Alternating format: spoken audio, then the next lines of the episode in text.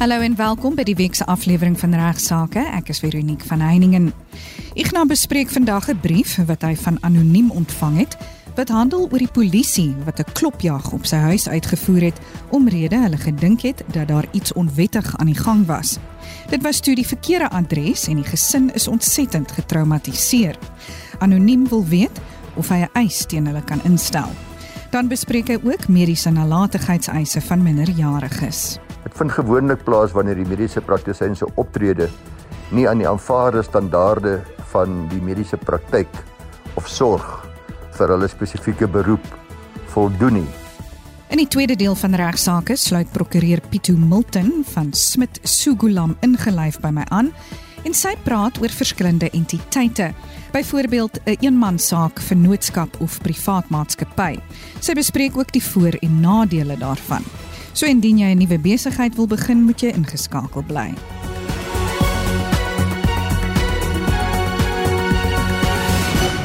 Ons skop die program die week af met Ignas wat 'n luisteraarsbrief bespreek wat verband hou met die polisie wat verkeerdelik sy huis bestorm het. Kom ons hoor wat sê Ignas. Ja, hartlike goeiemôre aan al ons luisteraars. Dit is my baie lekker om weer met u te gesels oor regsaake en baie dankie dat u ingeskakel is. Die gedagte is dat ons as die Prokureursorde van Suid-Afrika wil die reg vir die almal so toeganklik as moontlik maak. Ek het 'n skrywe ontvang van 'n luisteraar wat anoniem wil bly en uh, hierdie voorval wat hy oorskryf het al 'n paar jaar gelede gebeur, maar hy het nog die hele tyd gewonder of hy dalk 'n eis het. Hy vertel dat die SAP het een oggend om 0.30 in die oggend by hulle huis opgedaag. Daar was ses swaar gewapende polisielede met twee honde. Hy sê hulle gesin het wakker geskrik. Ek dink ja, vraggies in so 'n geval word 'n mens nie wakker nie, jy skrik wakker. Hy gee baie meer detail van die voorval, maar uh, die kort en die lank daarvan is dat dit gou gebleik het dat die polisie by die verkeerde adres was en dat hulle het gedink hy het uh, onwettige aktiwiteite met welms daar in sy huis gehad. Daar was aanvanklik uh, op hulle geskree en almal moes op die vloer lê. En natuurlik sê hy was hulle baie getraumatiseerd. Maar die SAP het baie gou hulle fout agtergekom. En uh, hulle het baie mooi en almekaar om verskoning gevra en onderneem om die voordeur wat uh, stukkend was te vervang wat hulle toe ook gedoen het. 'n Offisier het ook die volgende dag weer om verskoning kom vra en hy vra of hulle dalk die polisie kan aankla van een of ander kriminele oortredings of hulle moontlike siviele eise het vir die trauma wat hulle deur gegaan het en min of meer wat dink ek sal die bedrag kan wees. Nou uh sê nie en luisteraars, ek sal antwoord deur te verwys na 'n ander voorval wat in 2014 plaasgevind het en eers geëindig het in die Landdroshof te Pretoria op 25 November 2022, so 'n paar nie te lank gelede nie. Dis 8 jaar later. Nou wat daar gebeur het is die Lodge gesin het 'n skadevergoedingseis teen die minister van polisie en die, en die polisiekommissaris aanhange gemaak nadat die bekende luitenant-kolonel Leslie of Cowboy Maluleke destyds van die Valke se eenheid vir georganiseerde misdaad en baie bekend vir sy cowboy hoed nadat hy op 8 April saam met nog 15 ander lede van die mag sonder 'n lasbrief sonder enige identifikasie en met verkeerde foutiewe inligting op die Lodge gesin se huis toegeslaan het. Meneer Lodge is 'n koshuisvader en 'n wetenskaponderwyser gewees daar in St Albans College en dis 'n privaat seunskool waar hy koshuisvader ook was. Hulle was aangerand, was die getuienis en gedreig en uiteindelik het die polisie na 'n lang tyd besef nou hulle is by die verkeerde adres. Nou luisteraars die Landroshof in Pretoria het in November 22 die maksimum bedrag van 200 000 rand wat 'n Landroshof kan uh, toeken vir 'n siviele eis aan hulle en die drie kinders toegeken en uh, hy het ook gelas die Landros Molo dat die polisie 200 000 rand plus rente van die dag van die bevel aan elkeen van die gesinslede betaal as ook hulle regskoste. So saam was dit 'n miljoen rand. Dit was 5 maal 200 000 rand is die uitspraak reg verstaan.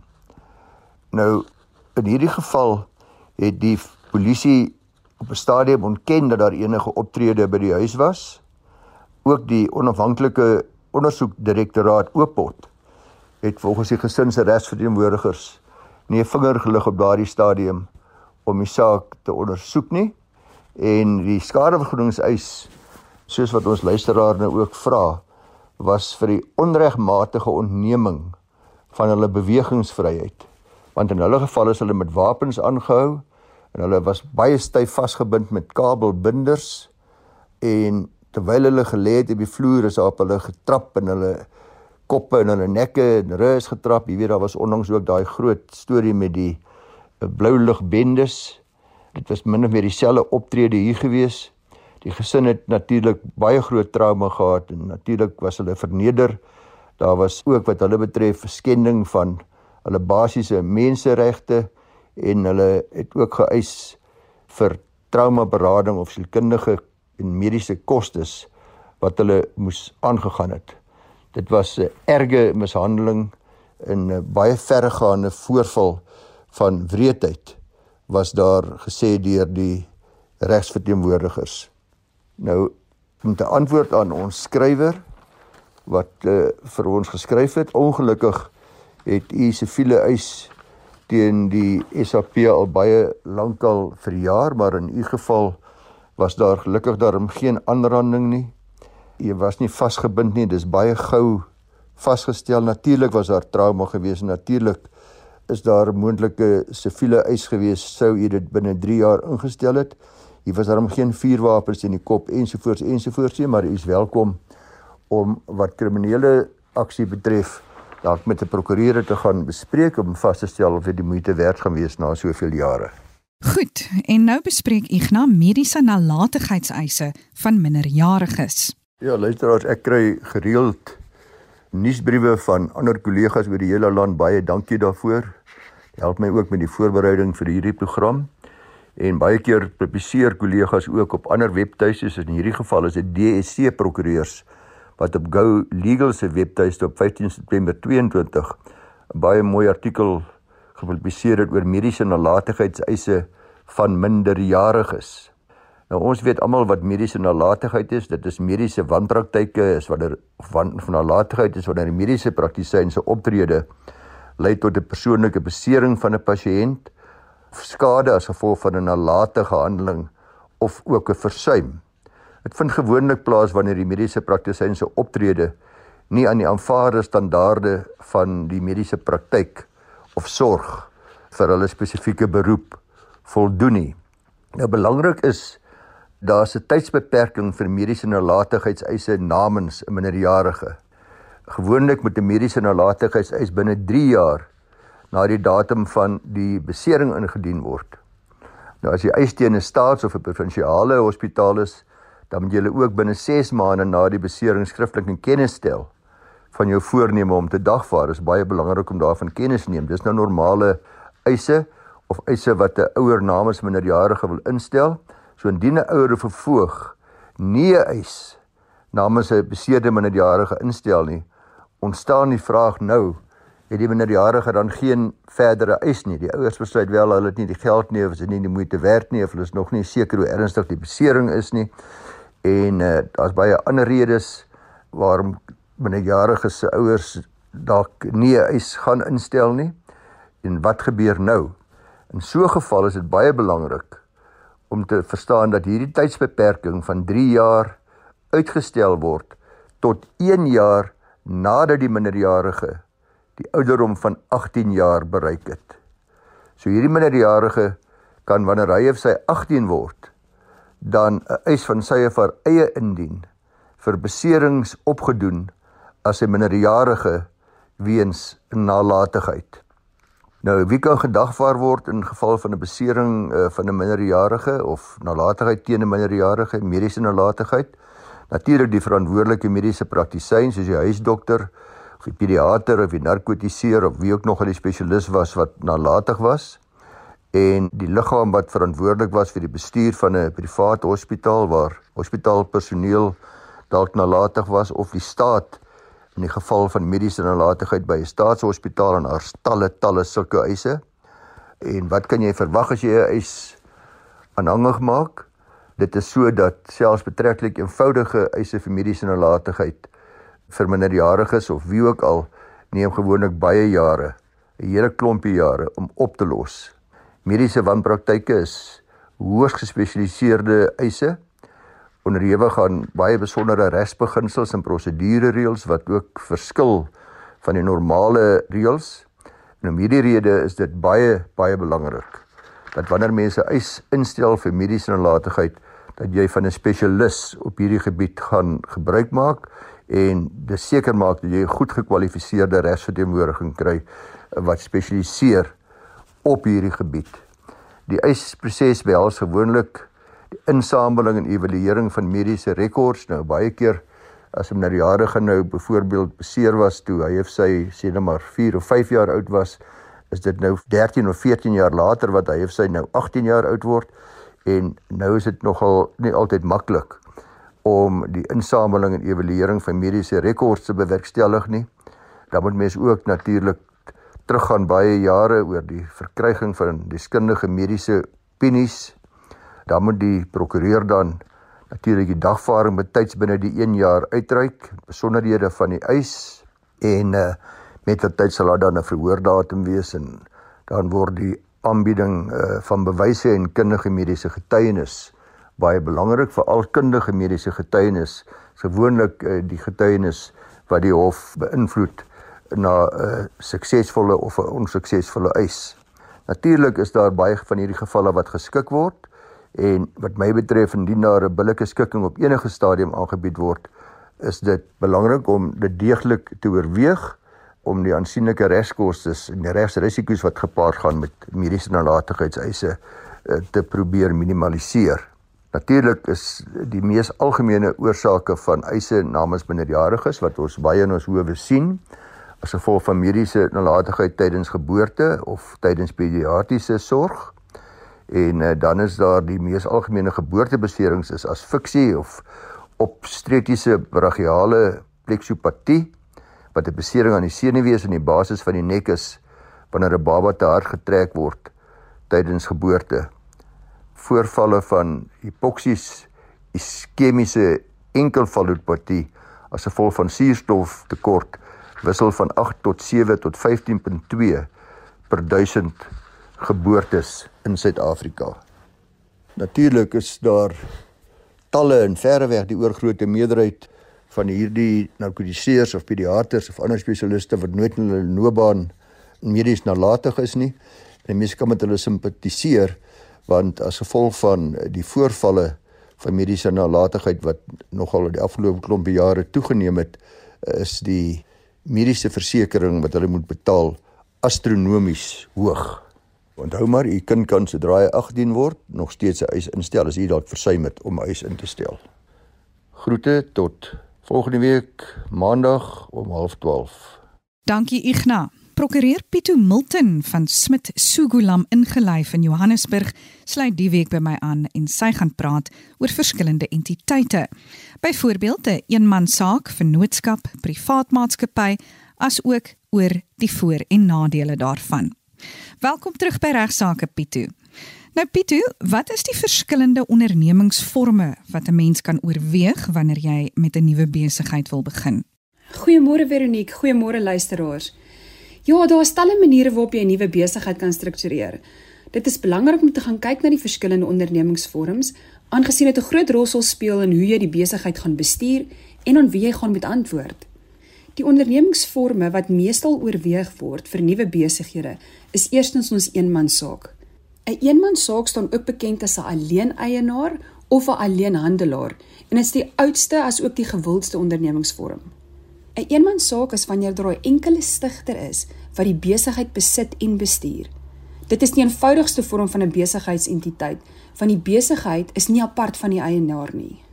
Die eienaar voorsien sy eie kapitaal, dra self alle risiko's neem al die winste en bestuur gewoonlik self die onderneming met of sonder hulp. Die eenmansaak het nie 'n regspersoonlikheid nie. Dit beteken onder andere dat alle bates van die eenmansaak aan die eienaar behoort. Maar so ook is die eienaar persoonlik aanspreeklik vir alle laste van die eenmansaak. Hierdie ondernemingsvorm is veral geskik vir jou klein ondernemings wat doeltreffend deur een persoon bestuur word, soos jou loodgieter, elektriesien of 'n bloemis.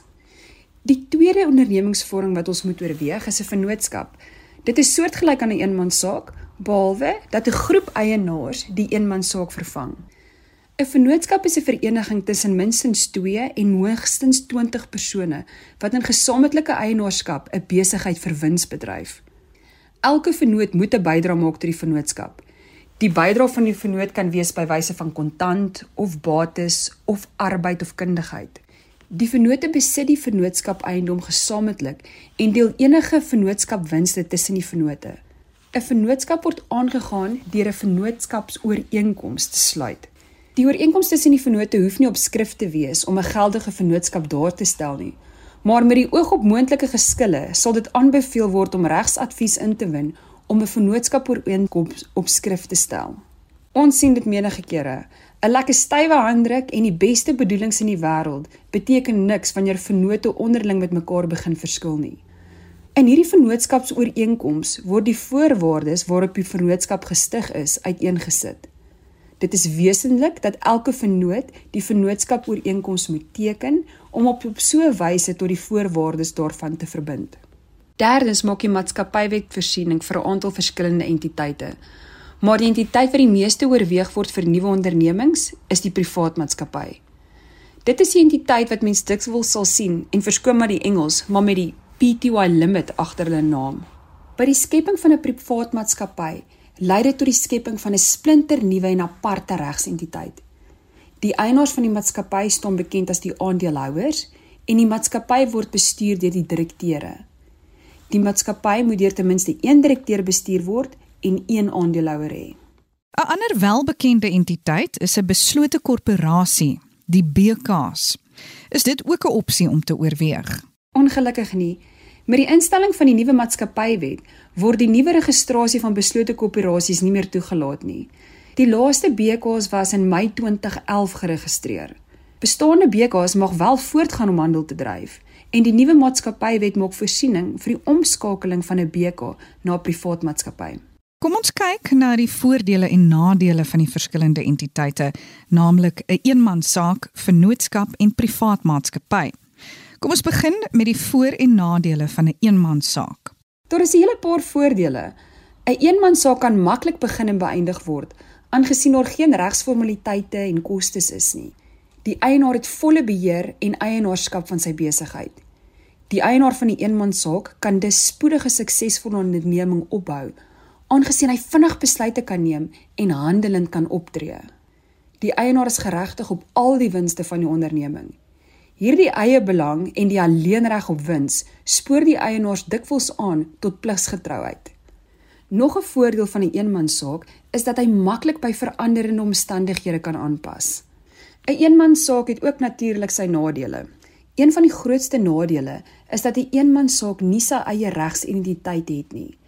Jou sakebelang en persoonlike belange word dus in dieselfde mandjie gegooi. Jy, as die eienaar, aanvaar al die risiko's vir die besigheid Dit beteken onder andere dat hulle beslag kan lê op jou persoonlike bates as jy nie die skuld van jou besigheid kan betaal nie. Die vermoë van die eenmansaak om kapitaal te bekom, hang ook van die kredietwaardigheid van die eienaar af. Indien die eienaar nie toegang tot genoeg fondse het nie, kan 'n gebrek aan kapitaal die groei en uitbreiding van die onderneming aan die bande lê. Die voortbestaan van die onderneming hang ook dan af van die lewe en goeie gesondheid van die eienaar Gevolglik is daar dikwels nie kontinuïteit nie. Laasens is die eienaar ook die enigste persoon wat 'n regstreekse belang in die onderneming het. Dit is dus soms moeilik om goeie werknemers te bekom, aangesien die eenmansaak gewoonlik kleiner is en daar min ten opsigte van sekuriteit en bevordering gebied kan word. En wat is die voor- en nadele van 'n vennootskap? 'n Voordeel van 'n vennootskap is dat jy nie meer alleen is nie. Jy het nou vennote waarmee jy jou werkslas en die uitdagings wat die bestuur en besluitneming van 'n besigheid meebring kan deel. Jy moet wel seker maak dat die vennote 'n gesamentlike visie vir die vennootskap deel. Anders is wrywing en konflik onvermydelik. Met meer vennote kom meer kennis en kundigheid. Die vennote voeg hulle besondere vaardighede en vermoëns saam. Die samevoeging van die vennote se kapitaal versterk ook die finansiële posisie van die onderneming en verbeter die kanse vir groei en ontwikkeling van die besigheid. Vennootskappe werk ook met hul eie geld en is dus vrygestel van die strenger wetlike kontrole waaraan maatskappye onderworpe is. Kapitaal van vennootskappe kan dus sonder ingewikkelde wetlike prosedures vermeerder, verminder of onttrek word. Daar is geen voorgeskrewe auditsvereistes nie en die administratiewe las is klein in vergelyking met 'n maatskappy. Hierdie gesamentlike en afsonderlike aanspreeklikheid van vennote spoor elke vennoot aan om sy bes te doen om 'n sukses van die onderneming te maak. So dis eenvoudig om in 'n vennootskap sake te doen, aangesien daar geen formele registrasie nodig is nie, soos wat wel die geval is met maatskappye of trusts. Soos vroeër genoem, is dit wel belangrik om 'n geskrewe vennootskapsooreenkoms tussen vennote te hê. Alles 'n geskrewe dokument nie regtig regsvereiste nie. Die nadele van 'n vennootskap. Anders as met 'n een eenmansaak, het jy nou gedeeltelike beheer en eienaarskap van 'n besigheid. Jou vennote moet geken word met enige belangrike besluit en julle moet saamstem oor die besluit. Elke vennoot is 'n agent van die onderneming en bind sy mede-vennote deur sy dade. Enige vennoot kan dus die vennootskap kontraktueel verbind. Die swak oordeel of oneerlikheid van een van die vennote kan dus die ander groot skade berokken. 'n Vennootskap beskik ook oor geen afsonderlike regsidentiteit nie. Die vennote is gesamentlik en afsonderlik aanspreeklik vir die skuld. Net soos met 'n een eenman saak, kan skuldeisers teen jou persoonlik optree om enige vennootskapsskulde te verhaal. Weereens kan die teenspoed van die een vennoot die ander vennote dus baie nadelig tref. En laastens ontbreek kontinuïteit omdat die vennootskap in die geval van die dood of uittreding van 'n vennoot outomaties ontbind. 'n Nuwe vennootskap moet dan weer opnuut gevorm word met die oorblywende vennote. En net laastens Pietu, wat is die voordele en die nadele van 'n privaat maatskappy? Die grootste voordeel van 'n privaat maatskappy is dat die onderneming sy eie regsentiteit het. Die privaat maatskappy aanvaar dus verantwoordelikheid vir sy aanspreeklikhede. En krediteure kan al dus nie net outomaties na die eienaars, althans die aandeelhouers van die maatskappy of die direkteure wend as die besigheid versuim om sy verpligtinge te betaal nie. Let wel, die nuwe maatskappywet maak voorsiening vir persoonlike aanspreeklikheid op direkteure wat op 'n roekelose of 'n bedrieglike wyse bewustelik deelgeneem het aan die uitvoering van sake. Aangesien die besigheid 'n regspersoon is, kan kontrakte onderteken word in die besigheid se eie naam. Direkteure kan aangestel word met die nodige kundigheid of ervaring om 'n sukses van die besigheid te maak. 'n Privaat maatskappy het ook kontinuïteit van bestaan. Dit is moontlik vir 'n aandeelhouer om 'n privaat maatskappy te verkoop, aangesien dit 'n regspersoon sy eie reg is. Daar is ook meer geleentheid vir groei en ontwikkeling in 'n privaat maatskappy. Dit is dus so partykeer meer loklik vir goeie werknemers, omdat daar potensiaal is vir hulle om in die besigheid te groei en ontwikkel. Wanneer ons kyk na die nadele van 'n privaat maatskappy, is dit definitief moeiliker en duurder om op te rig as 'n vennootskap of 'n eenmansaak. 'n Privaat maatskappy is aan baie wetlike vereistes onderworpe. Dit word aanbeveel om 'n regskenner te sien indien jy met hierdie ondernemingsvorm wil voortgaan. Die privaat maatskappy moet geregistreer word en daar moet ook 'n akte van oprigting ingedien word. Jaarlikse finansiële state moet ook opgestel word wat 'n ekstra koste is vir die maatskappy. En laastens, wanneer dit kom by die wins van 'n maatskappy, 'n privaat maatskappy betaal belasting op die winste van die besigheid en so ook op die verklaarde dividende wat aan aandeelhouers uitbetaal word. Nou ja, dis ongelukkig waar ek moet groet. Baie dankie aan Ignas Kleinsmid van van Velden Duffy Prokureurs in Rustenburg en aan Pieter Milton van Smit Sugulam ingelyf in Johannesburg vir haar tyd en bydrae tot vandag se aflewering van regsaake. Vir enige navrae stuur gerus 'n e-pos na my toe by vero@rsg.co.za. En onthou, indien jy weer na die episode wil luister, kan jy dit onder pot gooi op rsg.co.za kry. Van my Veronique van Heiningen groete. Tot volgende week.